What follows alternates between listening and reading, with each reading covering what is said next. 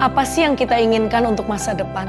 keluarga yang sehat, pendidikan yang merata, akses untuk air bersih, ekonomi yang kuat, atau lingkungan yang terawat. Jadi, mari kita berjalan beriringan. Mari kita berjalan beriringan. Mewujudkan cita-cita kita bersama. Mewujudkan cita-cita kita bersama. Dan pastikan tak ada satupun kawan kita yang tertinggal di belakang. 17 tujuan untuk mengubah Indonesia yang lebih baik. Di SDGs global maupun uh, Perpres 59 2017 uh, terdiri atas 17 goals di SDGs desa 18. Ada satu goals yaitu goals 18 kelembagaan desa dinamis dan budaya desa adaptif. Ini khas Kementerian Desa, khas milik desa. Kenapa? Khas SDGs desa. Kenapa?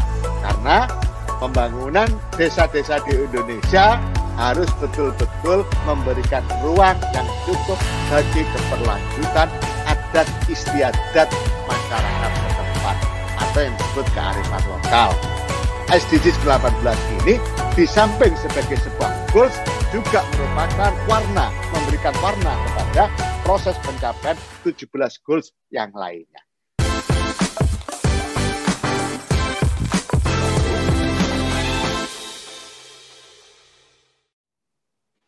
Selamat pagi kerabat desa yang berbahagia di seluruh Indonesia. Hari ini sarapan SDGs Desa kembali hadir dari pukul 6 hingga pukul 7 waktu Indonesia Barat. Dan hari ini kita cukup berbeda karena kita mempertanyakan siapkah desa, perangkat desa dalam mendata SDGs Desa nantinya.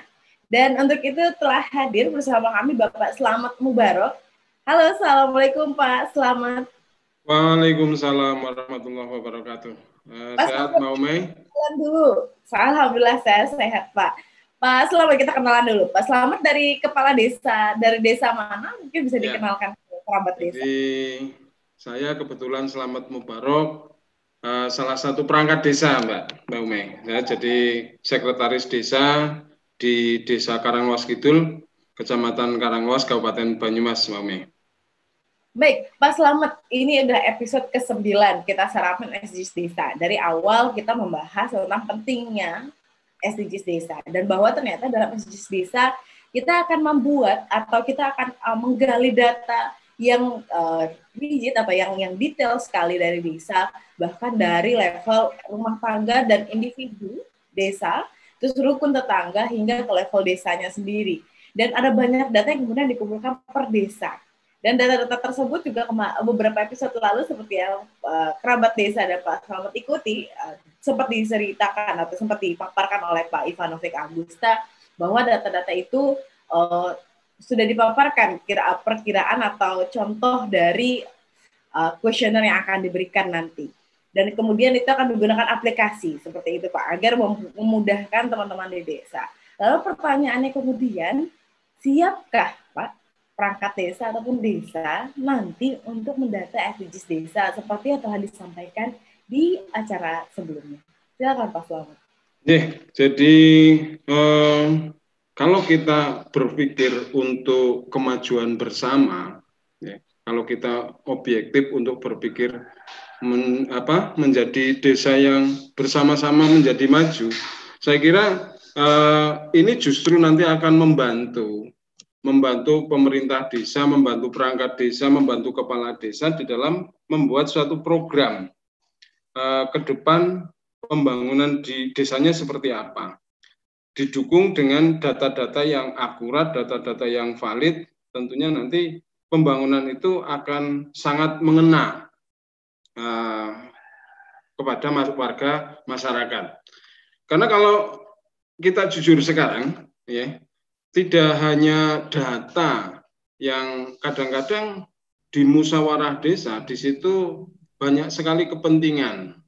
Nah ini yang kadang-kadang eh, kita lihat banyak kegiatan-kegiatan pemerintah yang kurang tepat sasaran karena di situ sudah ada kepentingan.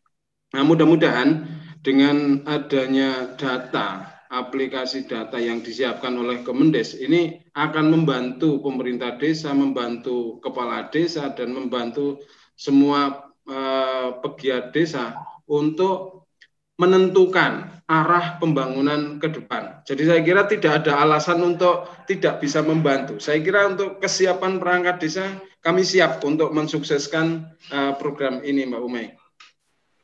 Berarti ya, secara dari desa merasa ini siap dan ini akan merasa terbantu ya Pak ya? Iya, betul, betul. Baik Pak, selamat baru. Selain uh, itu kita juga terhadir terhadir bersama kita Bapak Arif Desa Pak. Halo, Assalamualaikum Pak. Waalaikumsalam warahmatullahi wabarakatuh. Apa kabar semuanya? Alhamdulillah, Alhamdulillah sehat Pak Arif. Pak Arif, yeah. Pak Arif dengan sebagai guru desa. Hmm. Saya rasa Bapak juga cukup mengerti tentang desa dan juga mengerti bahwa pendataan SDGs desa saat ini akan menjadi sangat uh, kompleks ya Pak ya. Karena ada ada ada empat level uh, question atau empat level data yang ingin kita gali dari satu desa di dari seluruh desa di Indonesia. Betapa masifnya itu Pak Arif. Dan kira-kira menurut pandangan Pak Arief yang juga terbiasa atau sebagai aktivis di desa, penggiat di desa, apakah ini apakah desa-desa di Indonesia sudah siap Pak untuk ini? Ji, coba saya uraikan ya. Selamat pagi Pak Mubarak, Pak ya. Suryo Koco, dan kawan-kawan yang lain. Pak Arif. Ji, oh, mohon izin ini, mohon maaf juga. Uh, saya terus terang kalau bercerita soal desa ini agak injit-injitan. Jadi hmm. artinya tuh Eh, ragu-ragu uh, dan ketakutan saya karena eh, undang-undang desa ini kan memberikan kewenangan penuh kepada pemerintahan desa untuk mengelola apa pun yang ada di desa. Uh, persoalan data menjadi krusial, persoalan data menjadi uh, hal yang sebenarnya diperlukan, tetapi ini persoalan ketidakmengertian, ketidakpahaman. Artinya ada dua belah pihak antara kementerian dan desa yang harus apa ya saling bisik membisik supaya uh, tidak tidak menjadi sesuatu beban baru. Itu aja. Setahu saya beberapa kali Pak Ivanovic mengatakan bahwa ini bukan beban baru, ini tidak membebankan kembali, tetapi ini menyempurnakan apa yang sudah dimiliki.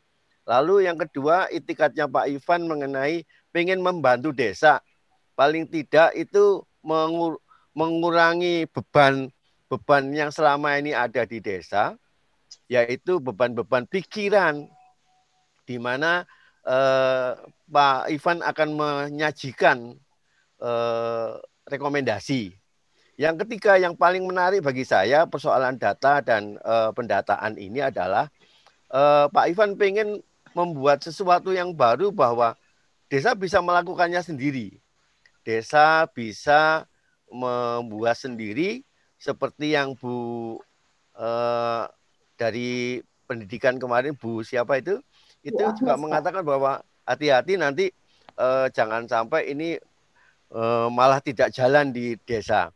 Jadi menurut saya eh, pendataan terutama mengenai yang paling baru mengenai SDGs desa ini menurut saya eh, penting sekali dan baik sekali.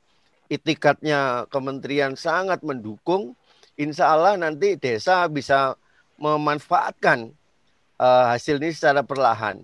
Ya saya ya saya percaya bahwa di lapangan itu tidak semudah itu untuk membuat desa pemerintahan desa mengerti paham dan sebagainya. Tapi ketika kita yakin bahwa proses ini bisa kita jalankan, ketika kita yakin bahwa proses ini bisa kita lakukan bersama-sama dalam konteks yang dialogis, insya Allah desa ke depan akan lebih terdeteksi, desa ke depan akan lebih maju, desa ke depan pasti akan mendapatkan harapan-harapan yang se seperti yang diinginkannya.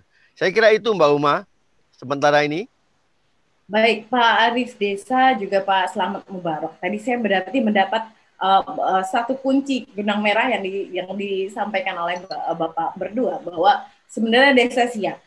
Namun nah, ada ada ada namunnya nih Pak. Nah, namunnya uh, bahwa ini ada satu hal atau pendataan SDGs desa ini suatu hal yang besar sebenarnya buat desa dan niatan baik dari Kemendesa untuk kita kemudian menggali data bersama dan untuk dimanfaatkan juga uh, oleh desa tersebut dan hal-hal ini perlu konteks dialogis. Nah, konteks dialogis seperti apa Pak? Kira-kira yang memungkinkan agar uh, hal ini segera dapat dikerjakan atau dilakukan kita bersama di desa, Pak Arif?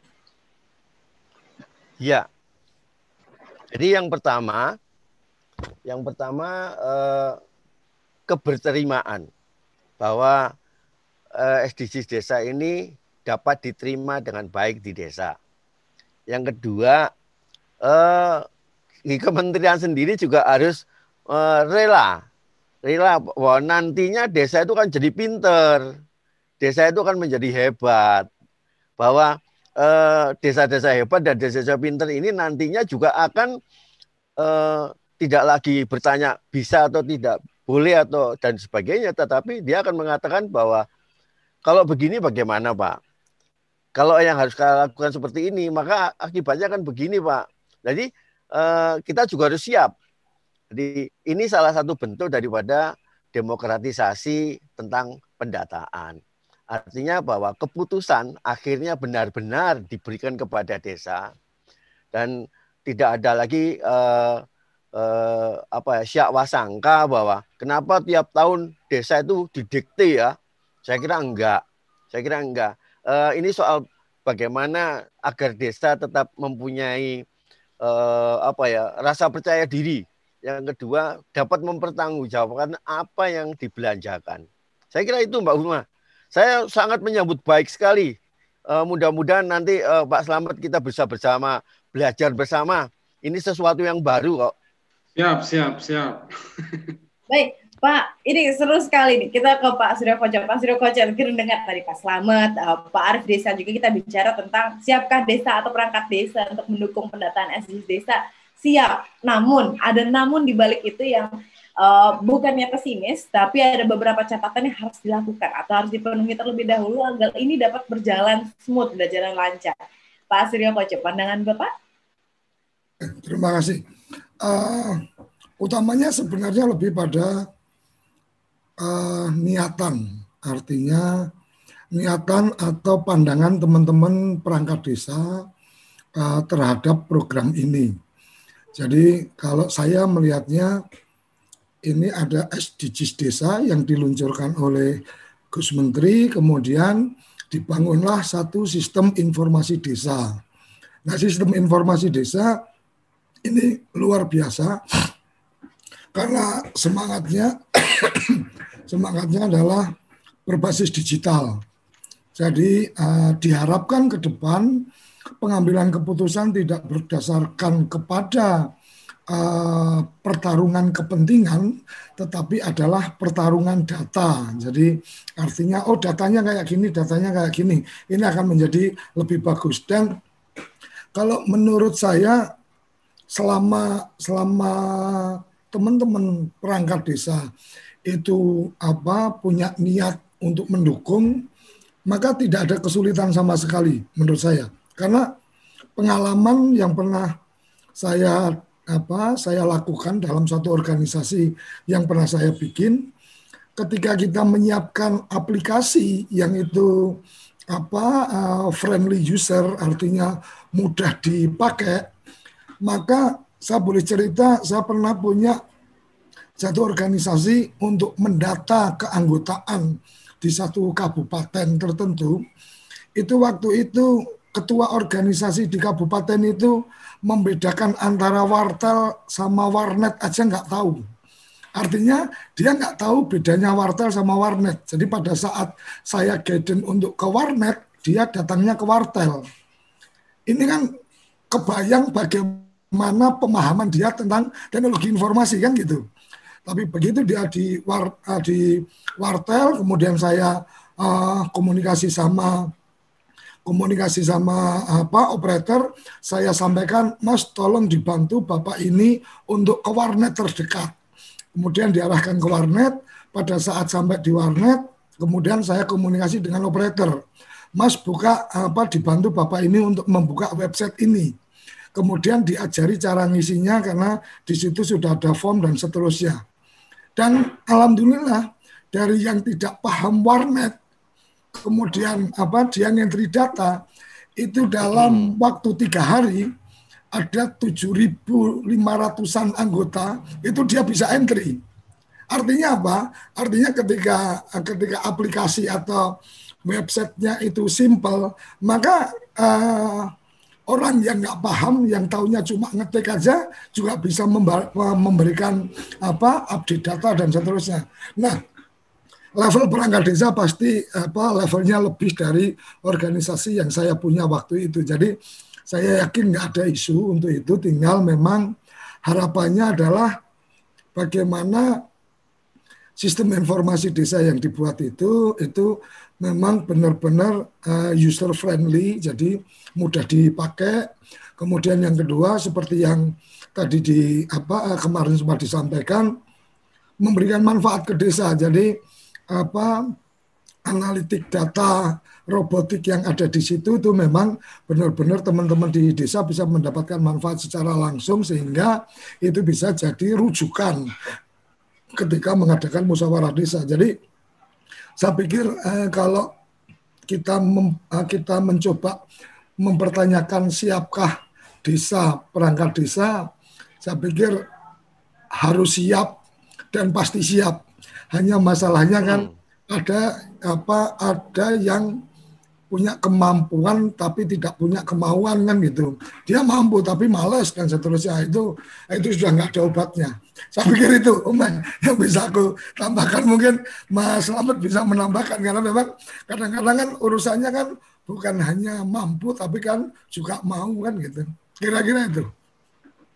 Ya Pak, ini eh, menarik sekali bahwa kalau di yang diceritakan oleh Pak Koco di diilustrasikan bahwa warnet dan wartel saja uh, di, uh, pada saat itu ada yang teman-teman di desa yang justru belum belum belum bisa membedakan itu. Gitu. Berarti kan uh, menjam, menggambarkan tingkat kemelekan terhadap teknologi informasi yang itu, ya, itu 2000 itu 2006 loh meh. Itu 2006, oke. Okay.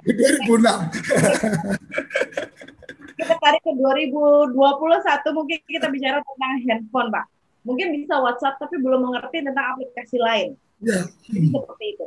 Semua orang punya handphone, semua orang punya smartphone, semua orang punya bisa jadi punya laptop, tapi belum tentu bisa mengoperasikannya. Nah, apakah nanti dengan aplikasi yang baru ini uh, tingkat kemelekan teknologi informasi ini sudah cukup untuk di seluruh desa di Indonesia?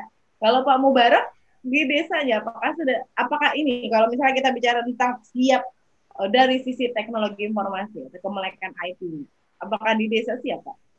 Ya, yeah, jadi begini Mbak Umi, saya kira uh, terkait dengan masalah uh, teknologi informasi, ya, sekarang di desa juga sudah uh, kita di harus menggunakan sebuah sistem. Ini berita uh, cerita tentang sebuah sistem yang lain. Ada Siskudes, sistem keuangan desa dan saya kira semua hampir semua desa sekarang sudah menggunakan itu dan uh, memang itu cukup rumit kalau untuk Siskudes cukup rumit. Yang cukup rumit saja bisa dilaksanakan. Apalagi tadi disampaikan oleh Pak Suryo terkait dengan uh, Kementerian Desa harus mempersiapkan software yang cukup friendly, ya. Terus mungkin ada tahapan lagi yaitu uh, sosialisasi dan pelatihan untuk menghindari seperti apa yang kemarin disampaikan oleh Ibu siapa kemarin ya, um, yang episode kemarin. Terus ada sosialisasi dan pelatihan untuk menumbuhkan yaitu tadi keinginan untuk menyadarkan teman-teman di desa perangkat desa bahwa itu sebuah hal yang sangat penting dan itu justru nanti akan endingnya adalah membantu pemerintah desa, perangkat desa, kepala desa dan semua pegiat desa. Terus yang selanjutnya adalah yang tidak kalah penting adalah evaluasi dan monitoring. Nah, mungkin dari Kemendes bisa menggunakan uh, link uh, dari pendamping desa untuk melaksanakan evaluasi dan monitoring. Saya kira saya sangat optimis dari Banyumas, insya Allah optimis untuk uh, melaksanakan sebuah program yang sangat bagus dari Kemendes ini, Mbak Umay. Baik, setelah hadir juga Pak bersama kita ada Pak Iwan dari Bogor, Kabupaten Bogor. Pak Iwan, boleh kenalkan diri sedikit? Dari desa mana Pak Iwan? Ya, baik.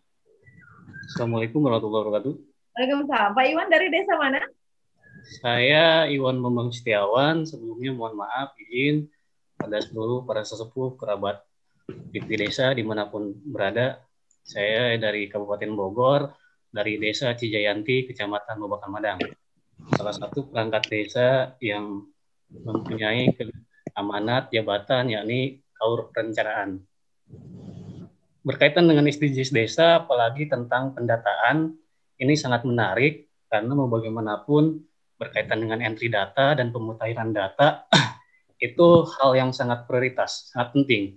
Apalagi suatu saat nanti pendayagunaan data ini bisa dimaksimalkan untuk proses perencanaan pembangunan di desa, baik untuk perencanaan uh, apa RPJMD maupun RKPD itu sendiri.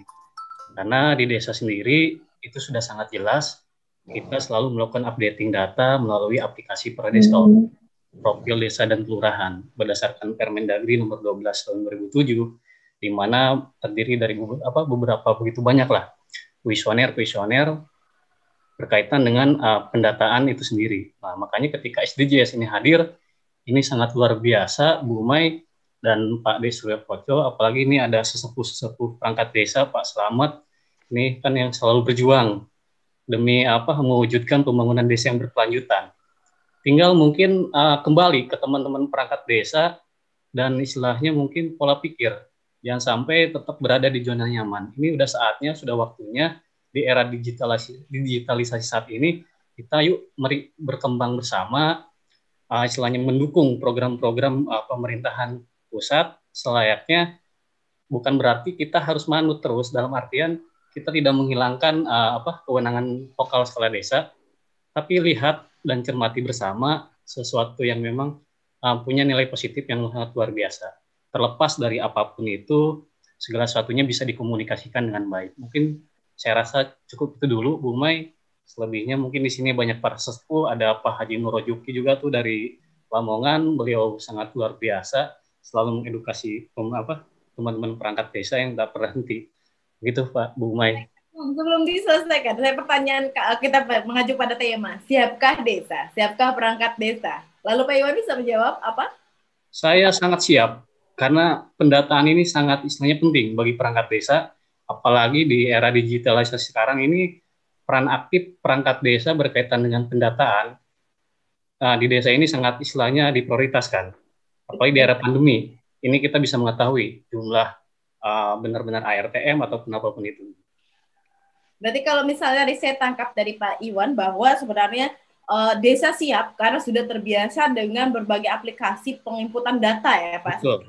Lalu uh, saya juga meng, uh, menggarisbawahi ada beberapa yang sama dari Pak Koco, Pak Iwan, juga Pak Arif Desa serta Pak Slamet yang sebelumnya berbicara bahwa sebenarnya dalam hal ini yang paling penting adalah keberterimaan atau uh, pola pikir atau bagaimana mindset desa menerima program ini. Apakah mindset ini kemudian dianggap sebagai sebuah perintah yang harus dijalankan tanpa memahami bahwa ini adalah uh, juga untuk desa dari desa untuk desa uh, sehingga mereka hanya menjalankan ini sebagai sebuah ya udah menjalankan sebagai perintah. Namun ternyata di balik itu harusnya desa lebih lebih memahami bahwa ini adalah sebuah uh, gagasan bersama yang sebenarnya kita lakukan bersama untuk desa juga seperti itu. Nah, berarti di situ ada harus ada peran dari Kemendesa atau pemerintah sendiri untuk mem memberikan pemahaman ini, bukan begitu, Bapak uh, Pak Iwan, Pak Slamet? Betul, betul. Apalagi dari dukung SDM. Jadi pendampingan SDM, peningkatan SDM ini melalui Kementerian Desa, kami berharap terkait pendataan ini kan memerlukan anggaran. Jadi paling tidak APBN melalui uh, dana desa memang sih diperbolehkan di pembangunan sistem informasi desa. Istilahnya berkaitan dengan pendataan. Nah ini kan perlu anggaran yang memang untuk uh, tugas pendata, pemutaran data. Mungkin dalam istilah BPS itu ada istilah apa PCL ya, petugas periksa lapangan dan PML, tugas pemeriksaan lapangan tersendiri. Jadi ada petugas verifikasi. Jadi proses pendataannya ini harus memang didukung dengan anggaran yang memang jangan sampai membebankan terlebih ke pemerintahan desa itu sendiri. Gitu Bu Mbak. Baik, terima kasih Pak Iwan. Telah hadir bersama kita Pak Prof. Yoyon Suryono. Juga Assalamualaikum Prof.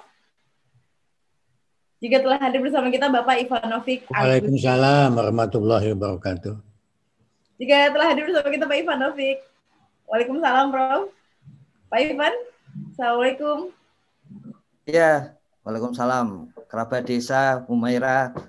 Mohon maaf ini terlalu banyak diberi kenikmatan jadinya baru bangun.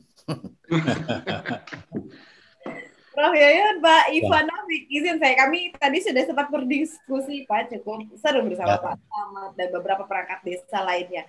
Kita mem saya mempertanyakan sesuai dengan judul kita hari ini, siapkah desa atau siapkah perangkat desa untuk mendukung penataan SDGs desa? Kalau dari desa-desa di Jawa, Pak Slamet wakil dari desa di Jawa, Pak Iwan juga wakil dari desa di Jawa. Um, beliau menyatakan bahwa siap, tentu siap sekali untuk keluar dari zona nyaman dan siap sekali karena mereka sudah memahami uh, atau pola pikirnya sudah sudah sejalan dengan maksud dari SDGs desa pendataan ini sehingga tidak ya. merasa dan ini merasa justru sangat terbantu. Ya. Uh, Prof Yoyo dan Pak Ivanovic, ini uh, saya ke Prof Yoyo mungkin terlebih dahulu. Apakah dari untuk desa-desa lain, Prof? Karena kita bicara desa seluruh Indonesia ada 74.953 saat ini. Ya. Uh, dari berbagai latar belakang. Ya, Prof. Kalau misalnya kita sebutlah desa-desa di Jawa, mungkin latar belakangnya dapat kita ketahui uh, sudah lebih maju daripada desa-desa di ya. dari bagi desa dari bagian Indonesia lain. Hmm. Apakah kalau kita pertanyakan siapa desa atau perangkat desa di Indonesia? Uh, benar. Ya, uh, ada dua informasi yang saya peroleh. Ya. Tadi dari bapak-bapak perangkat desa. Ya dan kunjungan saya ke beberapa desa, terutama di Jawa, ya, dan menggunakan data yang uh, Pak Ipan kumpulkan. Ada kelompok desa yang ada kelompok desa yang memang sudah siap, ya tadi terutama di Jawa sudah siap gitu ya. Pak Ivan detail datanya saya kira nanti ada. Di bagian desa di Jawa saya kira sudah siap. Informasi kedua dari Bu Agnes kemarin, ya, uh, memang tidak selalu uh, melakukan kita melakukan kegiatan itu dalam kondisi siap, ya, karena tidak mungkin di Indonesia begitu. Jadi selalu saya katakan siapnya itu sambil berjalan, ya, sambil berjalan kemudian siap. Kemarin Bu Agnes memberi informasi ada kendala uh, analogi dengan bidang lain. Uh, bahwa uh, informasi desa itu ya dengan yang dimasukkan oleh Pak Ipan uh, kendala pertama itu di operatornya memasukkan datanya tadi itu. Dan ini informasi ini juga tidak semua desa ya. Karena nyatanya ada data dari Pak Ipan itu data-data desa yang online itu juga juga banyak sekali ya. Artinya sudah sudah siap. Nah, uh, Pak Ipan sudah sampai kepada tahap validasi kalau tidak salah ya. Ya, tahap validasi artinya eh, kesiapan itu ya terbangun ber-IT ya. Jadi memang uh, literasi digital saya kira sangat penting sekali. Tentu dengan uh, tidak me, tidak melupakan juga dengan jumlah saya pastinya saya tidak tahu. Ada desa-desa yang memang tingkat literasi IT-nya masih perlu ditingkatkan. Itu wajar saja wong di mahasiswa aja juga terjadi begitu ya.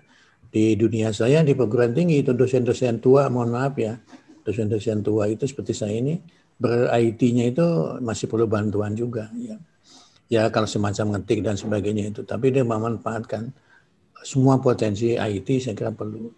Jadi kesimpulannya ada dua dua data tadi itu perlu diperhatikan dua-duanya ada yang memang sudah siap ya dengan kecanggihan dan lain-lain perangkatnya dan skillnya, tapi juga ada desa-desa yang tadi masih memerlukan bimbingan bantuan. Jumlahnya saya tidak tahu ya, tapi yang jelas saya kira seperti kasus di pulau-pulau di luar Jawa, ya termasuk Papua barangkali, mungkin di kotanya tidak ada masalah, ya karena antara yang koneksi dan sebagainya. Tapi mungkin di desa-desanya ya eh, masih perlu bantuan bimbingan dan sebagainya dan latar belakang uh, SDGs-nya kementerian yang dikomandani Pak Ipan itu memang kan menangkap juga bahwa di desa itu masih perlu peningkatan-peningkatan kemampuan IT-nya. Saya kira begitu. Nah, sebetulnya saya ingin uh, validasi lagi terutama yang di luar Jawa ya. Tapi masih menunggu kesempatan uh, Kapus Dantin mengundang saya untuk jalan-jalan tadi menengok uh, potensi-potensi yang di luar Jawa itu. Kalau di Jawa saya kira uh, lumayan bagus lah sekali lah. Uh, saya juga ini sudah hampir satu bulan di desa, ya. IT-nya juga di teman-teman itu menggunakan IT bagus sekali. Cuman persoalannya tadi ke pelosok. Ya. Oleh karena itu eh, kata orang-orang kata para pemimpin kita siap tidak siap ya harus siap masuk IT itu tidak bisa tidak lagi. Siapnya yang sambil jalan tadi itu di samping meningkatkan eh, kemampuan-kemampuan. Nah soal kemampuan ini eh, harus berlanjut ya karena eh, stresernya lingkungan eksternal itu kan memaksa kita untuk terus harus belajar untuk ber-IT itu tidak ada tidak ada batas waktu untuk berhenti ber-IT ya. itu persoalannya dan ini Pak Koco sama Akademi Desa dan macam-macam itu kan sebetulnya pagi ini kan meningkatkan kemampuan eh, ber-IT-nya apa namanya masyarakat desa. Nah, saya salut sama eh, TV desa ini eh, dan banyak lagi saya kira teman-teman di perguruan tinggi itu termasuk kemarin ITS, Undip, ya UNY dan sebagainya sudah melatih juga IT di desa itu. Ya, kalau kemudian fasilitas koneksi dan sebagainya tersambung semua, lama kelamaan saya kira kita semua sudah ber-IT. Dan kata orang sekarang itu dunia itu kan datar ya, seperti plat ya, plat. Karena apa? Karena IT tadi itu. itu. Saya kira itu ke komen saya. Data-data saya kira dapat dapat Ipan detil sekali. Ada yang menunjukkan bahwa sebagian besar desa itu memang sudah ber-IT. Eh, angkanya saya lupa. Ya. Dan dari 75 ribu itu saya kira tentu ada sisa-sisa yang masih harus ditingkatkan kemampuan ber-IT-nya. Itu Mbak Umay, Pak Koco, ya Bapak Ibu selamat, terima kasih.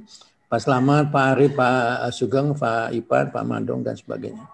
Itu kesan saya ya dan kita harus selalu maju lah ber-IT ini. Ya, terima kasih, terima kasih. Terima kasih Prof Yoyon. Kalau yang saya catat berarti memang benar ya Prof, ada desa-desa yang uh, belum yang harus kita upgrade terlebih dahulu mungkin kemampuan uh, teknologi informasinya. Terus dia tidak siap, kita ngikut uh, mengikut pada uh, yang kemarin disampaikan oleh Bu Ahmed. Mau nggak mau kita harus siap untuk memulai ini. Dan telah hadir juga Pak bersama kita Bapak Madong dari Buleleng. Bali. Halo Pak Madong. Apakah Pak Madong masih bersama kita? Masih, masih Mbak, masih monitor. Halo. Uh, tadi kita sempat bicara tentang uh, desa. Apakah desa siap? Perangkat desa siap untuk mendukung pendataan SDGs desa ini. Yang seperti kita tahu level datanya cukup uh, cukup masif, cukup besar sekali kita uh, akan ambil di desa.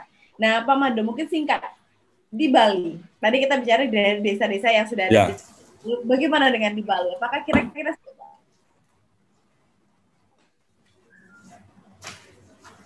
Halo. Ya, dong. Bagaimana ya. dengan kira-kira siap?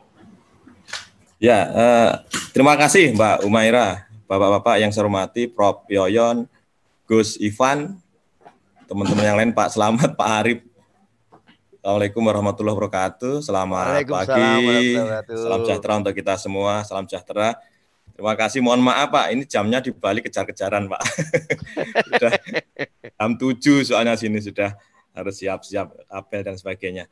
Eh, terima kasih. Mungkin menarik yang disampaikan tadi. Mohon maaf tidak bisa dari awal. Ini eh, ketika kita berbicara data ini kan dari beberapa hari yang lalu memang intinya Prof Yoyon, eh, Gus Ivan menekankan bagaimana uh, atensi desa itu bisa diukur dari kebermanfaatan data kan gitu Prof ya artinya desa akan intent desa akan uh, respect uh, ketika uh, data yang dikumpulkan atau nanti data yang disajikan diolah oleh teman-teman di Bali Labbo itu ada manfaatnya atau nilai guna atau nilai manfaat yang bisa diambil oleh desa.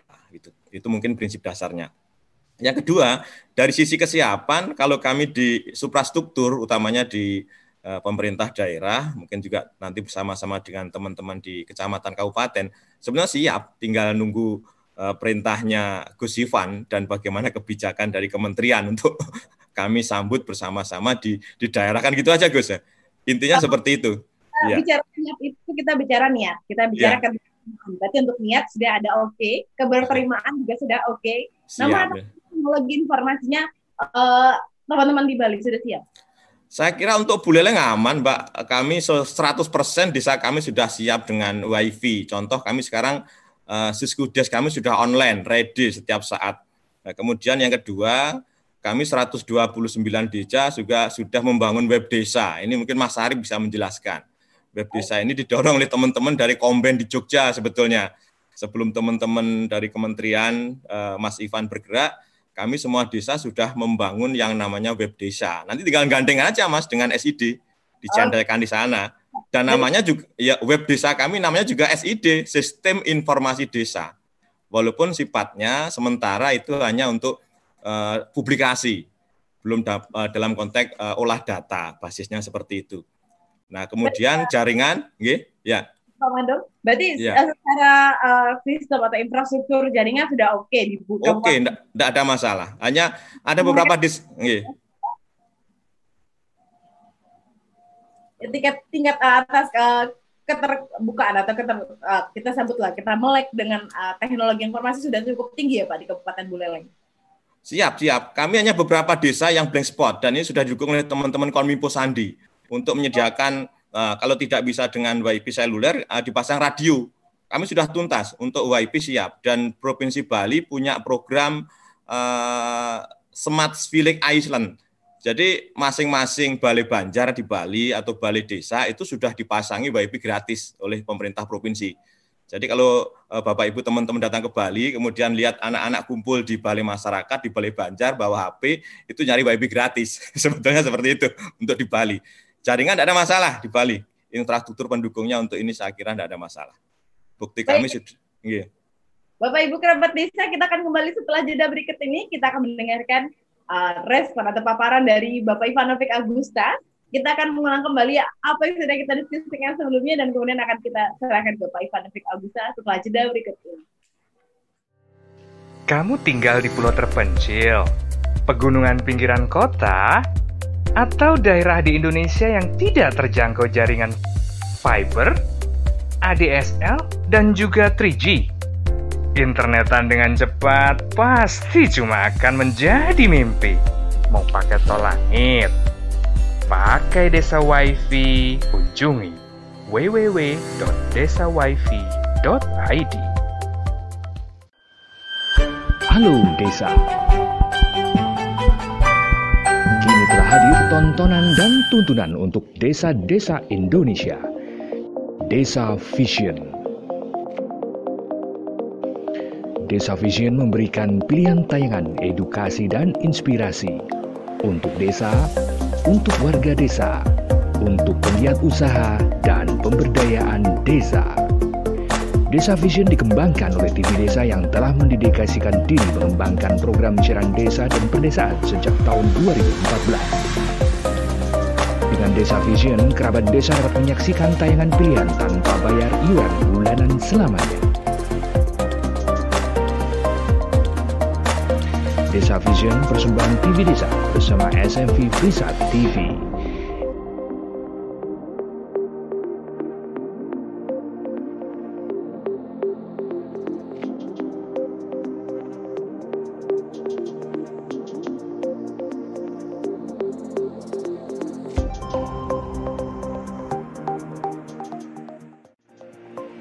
Info lengkap kunjungi desavision.id. Baik, kerabat desa yang berbahagia di seluruh Indonesia masih di sarapan SJIS Desa dan hari ini kita cukup uh, seru karena kita menghadirkan beberapa teman uh, atau kerabat kita kita dari uh, desa dan saat ini kita akan ke Pak Ivanovic Agusta. Assalamualaikum Pak Ivan.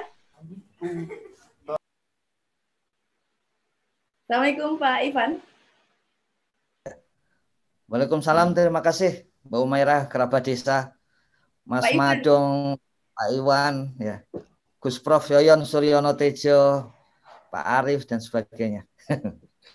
Pak Iwan tadi Gimana? kita banyak uh, bicara Pak, kita sempat ngobrol. Apakah siapkah desa dan perangkat desa untuk mendukung pendataan SDGs desa yang uh, beberapa di beberapa episode sebelumnya Pak Ivan sempat uh, menceritakan atau memaparkan bahwa data ini adalah data yang cukup besar, ada empat level uh, data yang kita akan cari atau kita gali dari per desa di seluruh Indonesia. Lalu uh, yang saya tangkap uh, dari teman-teman yang telah hadir di sarapan hari ini bersama kita, desa siapa? Namun ada beberapa catatan yang perlu diperhatikan sepertinya.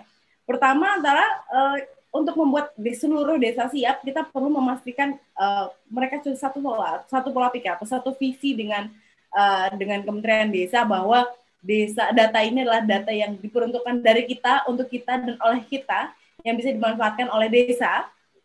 Lalu juga ada uh, teknologi informasi ke, kesiapan teknologi informasi. Apakah teknologi informasi di sana baik dari infrastruktur maupun uh, apa keterdahan informasi uh, cara menggunakan teknologi informasi atau aplikasi juga perlu diperhatikan.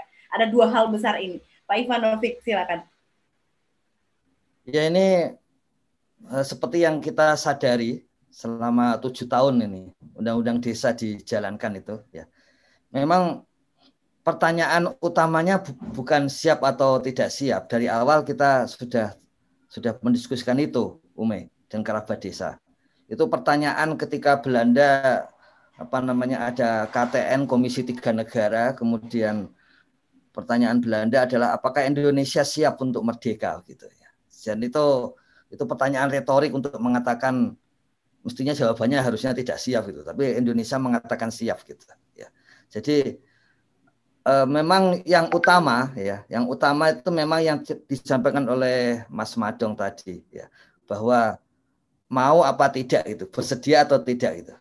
Tadi Ume mengatakan bahwa dari yang bicara pada pagi hari ini ya, ini terima kasih ini bersedia untuk datang ke sarapan SDGs desa, itu memang menyatakan bersedia gitu ya.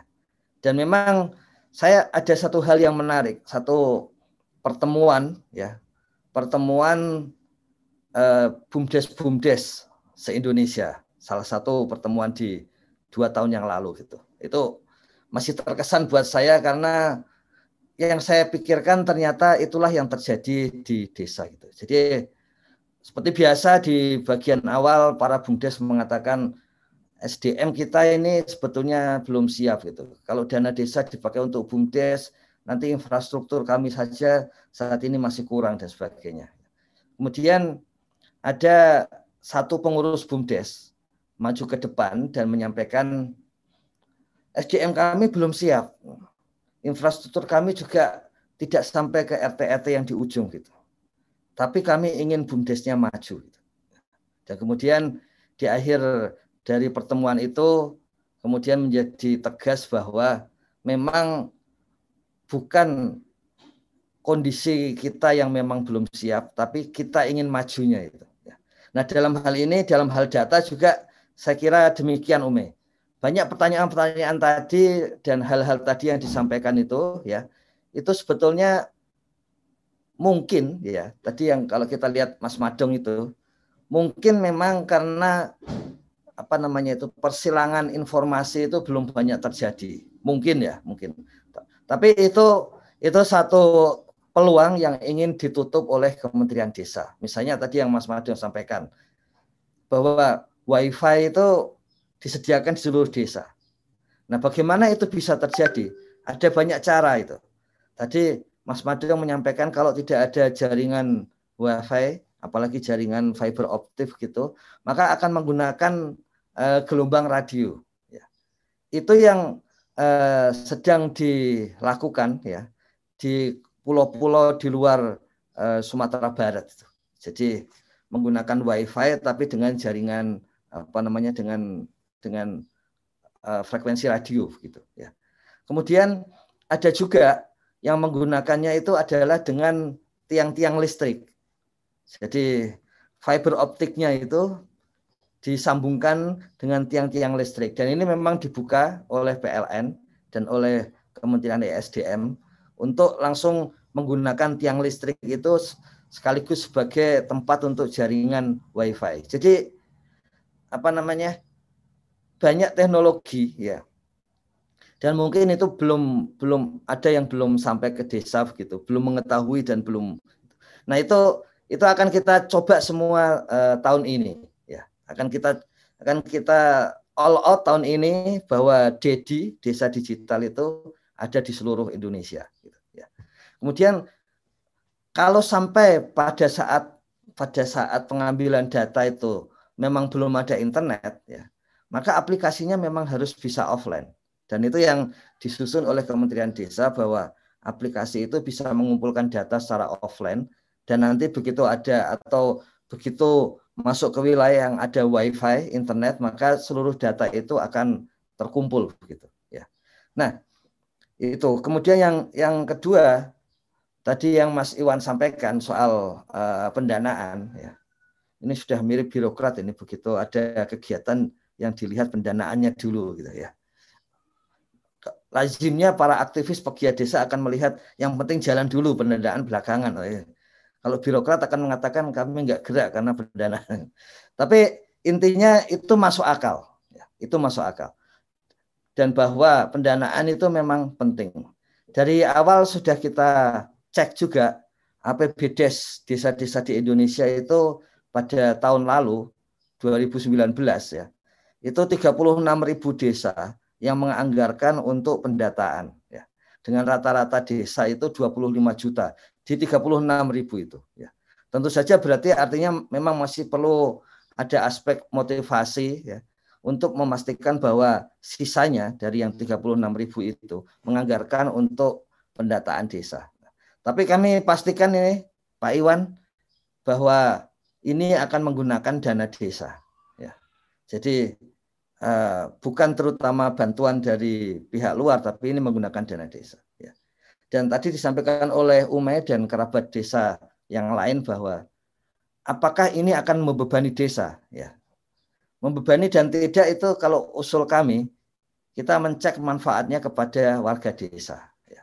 Dan memang jawaban yang paling jitu, ya, jawaban yang paling jitu itu ya baru akan muncul nanti di bulan Agustus. Ya. Yaitu setelah eh, datanya ada, rekomendasi ada, sudah mulai menyusun RKPDes gitu. Nah itu akan akan muncul di sana. Malam ini misalnya, setelah kita bicara di sarapan SDG desa ini, ini Dirjen Adminduk, Dirjen Adminduk, malam ini bersama Dirjen Bina Pemerintahan Desa akan berkumpul bersama Menteri Desa malam ini di Kementerian Desa gitu untuk menjalankan program mulai tahun ini sesuai dengan yang disampaikan Pak Tito itu dan tadi malam saya melihat sendiri Pak Gus Menteri WAW Anan dengan Pak Tito dan Bu Sri Mulyani begitu bahwa kita tahun ini sudah bersama-sama sampai pada level di bawah karena yang sebelumnya di level atas gitu, kemudian di bawah seperti biasa ada kepentingan di antara kita begitu, tapi sekarang sudah tidak lagi. Dan salah satu seperti yang disampaikan oleh Pak Dirjen Adminduk itu, salah satunya adalah data-data dan apa namanya hal-hal yang berkaitan dengan Adminduk itu dialihkan langsung ke desa. Ya, jadi memperingati tujuh tahun eh, undang-undang desa itu kita akan membuat langkah seperti itu. Dan itu akan diikuti tentu saja kebutuhan internet. Dan bersamaan dengan itu ya kemudian data-data yang digunakan di SDGs desa dengan data-data adminduk itu akan saling digunakan bersama-sama. Jadi sudah pasti ada gunanya bagi desa sebetulnya ya. Tapi memang kalau butuh bukti ya, yaitu nanti di bulan Agustus. Cuman itu artinya kalau desa tidak ikut bersama-sama mulai bulan Januari ini, nanti kelihatan di bulan Agustus, lo kok desa saya belum ya? ya. Kenapa nggak sekalian waktu itu? Kira-kira begitu Umi. Ya. Jadi soal dana desa tadi rata-rata masih 900 hampir 1 miliar dana desa per desa itu. Hanya di Aceh saja seperti sejak awal itu yang yang relatif uh, rendah itu karena memang bukan apa-apa sih seperti biasa dana desa menggunakan basis apalagi tahun ini ya basis membaginya itu basis kalau di istilah SDGs desa basis kewargaan gitu ya jadi kalau desa warganya sedikit apalagi orang miskinnya sedikit ya dana desanya cenderung lebih sedikit tapi bedanya nggak akan nggak akan jauh gitu ya. Nah itu 25 juta digunakan untuk mendata apalagi kalau menggunakan relawan desa yang sudah teruji tahun lalu mengumpulkan 8 juta keluarga penerima manfaat BLT dana desa saja.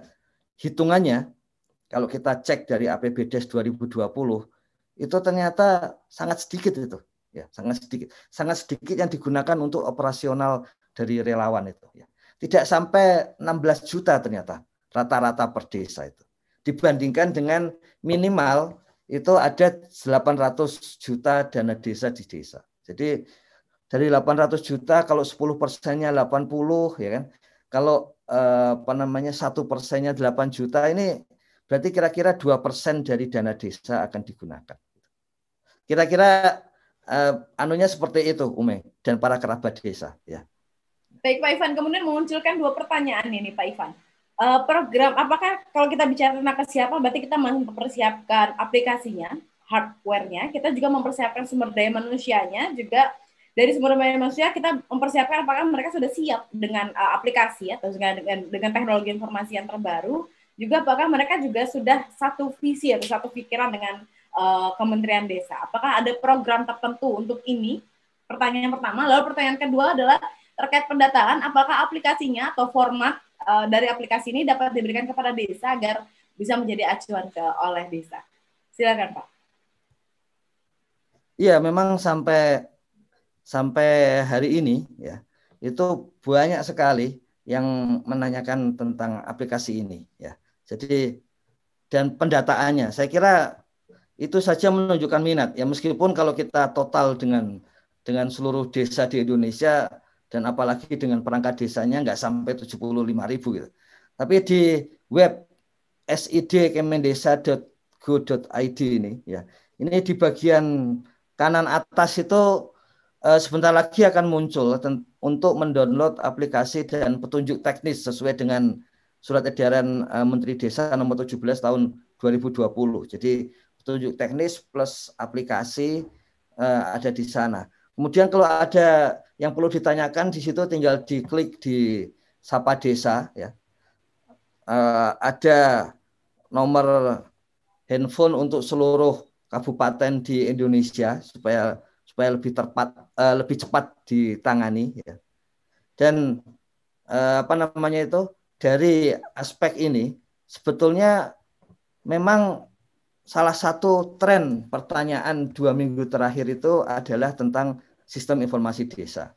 Dan tadi Pak Madong juga sudah menyampaikan bahwa di Bali namanya pun sistem informasi desa. Ya. Jadi buat kami itu kan kita bisa melihat dua aspek ya. Aspek kalau yang negatif akan mengatakan, wah nanti apa tidak malah membingungkan ini ada SID pusat, SID provinsi. Enggak, itu justru dari aspek yang positif ya kalau sudah sama-sama SID menggabungkannya menjadi mudah gitu ya. Jadi tadi yang disampaikan bahwa sudah ada informasi terutama informasi ya webnya itu ya itu ya tidak masalah karena karena sistem informasi desa kita akan mengelola tidak hanya ya tidak hanya aspek dari dari data statistik ya tapi juga aspek-aspek dari data-data yang non statistik baik baik itu data peta gitu, data apa namanya gambar gitu, sampai ke data-data narasi ya, sampai ke data-data narasi ya. Jadi eh, seperti itu yang terjadi ya. Begitu Ume dan apa namanya kerabat-kerabat desa ya. Baik Pak Ivan, ini cukup banyak tanggapan ternyata di uh, YouTube uh, TV Desa barangkali ada ini tantangan desa untuk dan kepala desa baru karena baru ada banyak beberapa desa di Indonesia kemudian baru selesai mengadakan pilkada bersama. Ini kan menjadi tantangan bagi kepala desa baru juga uh, ada dari Bapak Rijang Panua, Desa Rijang Panua, Kecamatan Kulo, Kabupaten Sindenreng, Rapang, Sulawesi Selatan, sedang bersama nonton live bareng SDGs Desa dan siap mendukung desa digital. Nah, Pak Ivan, Kemudian pertanyaan berikutnya Pak, uh, dari Kemendesa sendiri kita punya channel atau kita punya platform Akademi Desa sebagai platform pembelajaran dan berbasis digital. Apakah nanti Akademi Desa turut berperan dalam uh, eh, SDGs Desa ini, Pak? Ya, sudah pasti itu ya. Jadi Gus Menteri sudah memastikan bahwa channel kita akan kita gunakan semuanya. Dan bukan hanya itu, kita akan berbagi substansi channel ya dengan desa-desa yang sudah membuat aplikasi serupa ya aplikasi untuk pendidikan warga serupa gitu jadi apa namanya ada desa-desa di Yogyakarta ya yang kita sudah berbagi isi dari Akademi Desa dan di sana begitu. Jadi uh, istilah Gus Menteri ini memang paradigma baru SDGs desa ya. Yang memang tujuan utamanya untuk terutama warga desa ya. Harusnya memang tidak ada yang tidak ada yang apa namanya saling berbeda visi ya.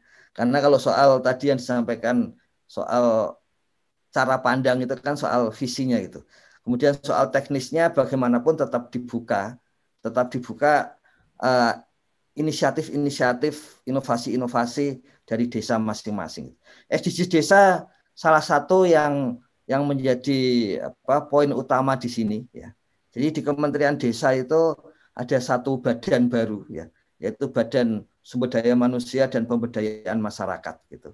Yang itu mengelola 35.350 pendamping itu ada satu pusat yang mengelola seperti itu ya.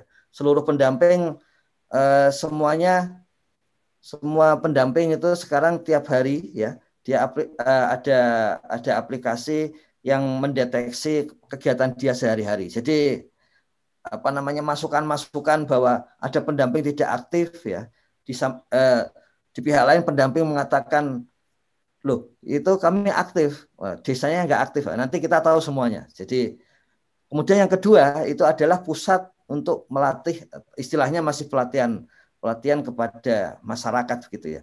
Tapi itu lebih kepada kalau kemarin sudah ditegaskan oleh Gus Prof Yoyon itu ini lebih kepada supply ya, supply. Jadi kita menyediakan semuanya dan kemudian nanti kalau masih ada pertanyaan itu Gus Menteri menyampaikan bahwa Akademi Desa bisa dipakai untuk tanya jawab ya memang bisa ya. Tapi kalau mau ingin langsung bisa ke Sapa Desa tadi ya. Kalau ingin langsung lagi ke Gus Menteri juga bisa langsung gitu. Lazimnya Sapa Desa, Akademi Desa itu memberikan laporan rutin kepada Gus Menteri itu ya. Dan dan tahun ini sudah pasti itu salah satu kesibukan yang sudah terjadwal di Gus Menteri itu ya menjawab berbagai pertanyaan dari perangkat desa, dari warga desa langsung itu. Sekaligus kami sampaikan ini Mbak Ume dan kerabat desa selamat kepada kepala desa-kepala desa yang baru ya dan sudah ada komitmen bersama Menteri Tito dengan Gus Menteri bahwa kita akan meningkatkan kapasitas kepala desa itu bersama-sama ya. Bahkan salah satu peningkatan itu adalah yang sedang dirancang dalam beberapa minggu ke depan antara Gus Menteri dengan Mas Menteri, ini Menteri Pendidikan ini antara Gus Menteri dan Mas Menteri itu adalah kepala desa itu bisa menjabat sampai 18 tahun.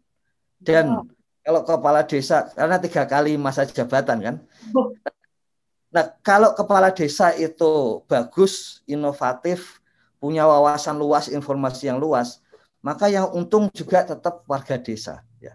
Karena itu tahun ini sudah mulai dibuka dan kalau lancar beberapa minggu ke depan karena ini ada masalah-masalah administrasi membongkar cara pikir dan apa namanya aturan-aturan lama bahwa kepala desa bisa menggunakan portofolio ya portofolio atau pengalamannya ya untuk masuk ke akademi desa ya. kemudian akademi desa akan mencek semua pengalaman menguji tapi berbasis pengalaman ya bukan menguji pengetahuan tapi pengalamannya seperti apa, sudah melakukan apa, bukti-bukti bahwa sudah melakukan hasilnya apa di desa, itu setara dengan dua tahun kuliah. Dan kemudian dua tahun kuliah berikutnya adalah online dengan berbagai perguruan tinggi yang bekerja sama dengan Kementerian Desa. Ya. Mengapa harus bekerja sama dengan Kementerian Desa? Memudahkan Kemendikbud untuk memastikan bahwa mereka menyetujui bahwa lulusannya itu setara sarjana ada 43 ribu saat ini Ume dan kerabat desa ada 43 ribu kepala desa lulusan SMA di Sekdes. Lebih dari setengah ya, ya ya. Di Sekdes ada 45 ribu Sekdes kita. Itu yang yang lulusan SMA jadi paling tidak paling tidak model apa namanya merdeka belajar yang yang ini sifatnya bukan dari kampus ke desa, tapi dari desa masuk kampus. Ya. Itu paling tidak ada 90 ribu ya yang yang boleh yang boleh apa namanya yang boleh Program. menggunakan fasilitas ini. Iya. Ya. Dan tentu saja nanti sesuai dengan aturan memang tidak tidak menggunakan dana desa tapi Pak Tito akan mem, akan apa namanya menggunakannya bagaimana supaya ADD atau dana-dana lain itu bisa digunakan untuk mendukung peningkatan. Nah ini peningkatan kapasitas yang bukan sekedar mencari gelar, tapi maksudnya adalah supaya ada cara memandang desa itu yang rasional gitu. Ya. Memang tentu saja ada cara memandang desa yang ideologis dan itu penting karena semangat kan. Banyak semangat bisa tumbuh dari situ. Tapi yang real, realitas sehari-hari berbasis data tentu saja membutuhkan pemikiran-pemikiran yang rasional seperti itu. Nah itu masuk itu, Umi. Jadi ada akademi desa, ada kampus eh, apa ada desa ya. masuk kampus seperti itu. Jadi oh. akan lebih lengkap apa namanya kalau istilahnya pelangi ini warna-warni warna-warninya sangat tinggi, sangat banyak ini tahun ini ya.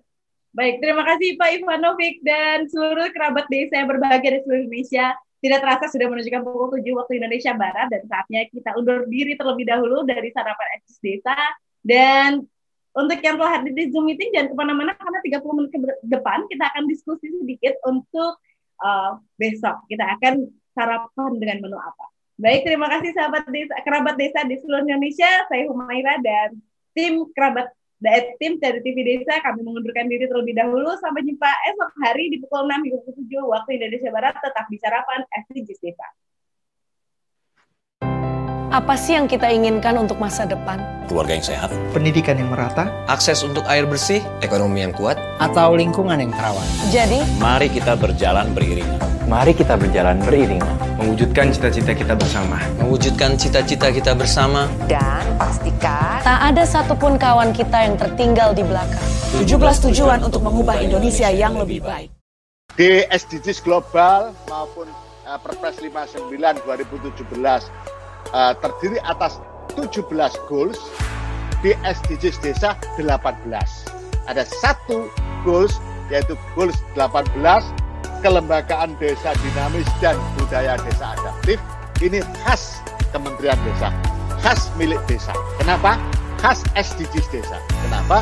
Karena pembangunan desa-desa di Indonesia harus betul-betul memberikan ruang yang cukup bagi keberlanjutan adat istiadat masyarakat setempat atau yang disebut kearifan lokal. SDGs 18 ini di samping sebagai sebuah goals juga merupakan warna, memberikan warna kepada proses pencapaian 17 goals yang lainnya.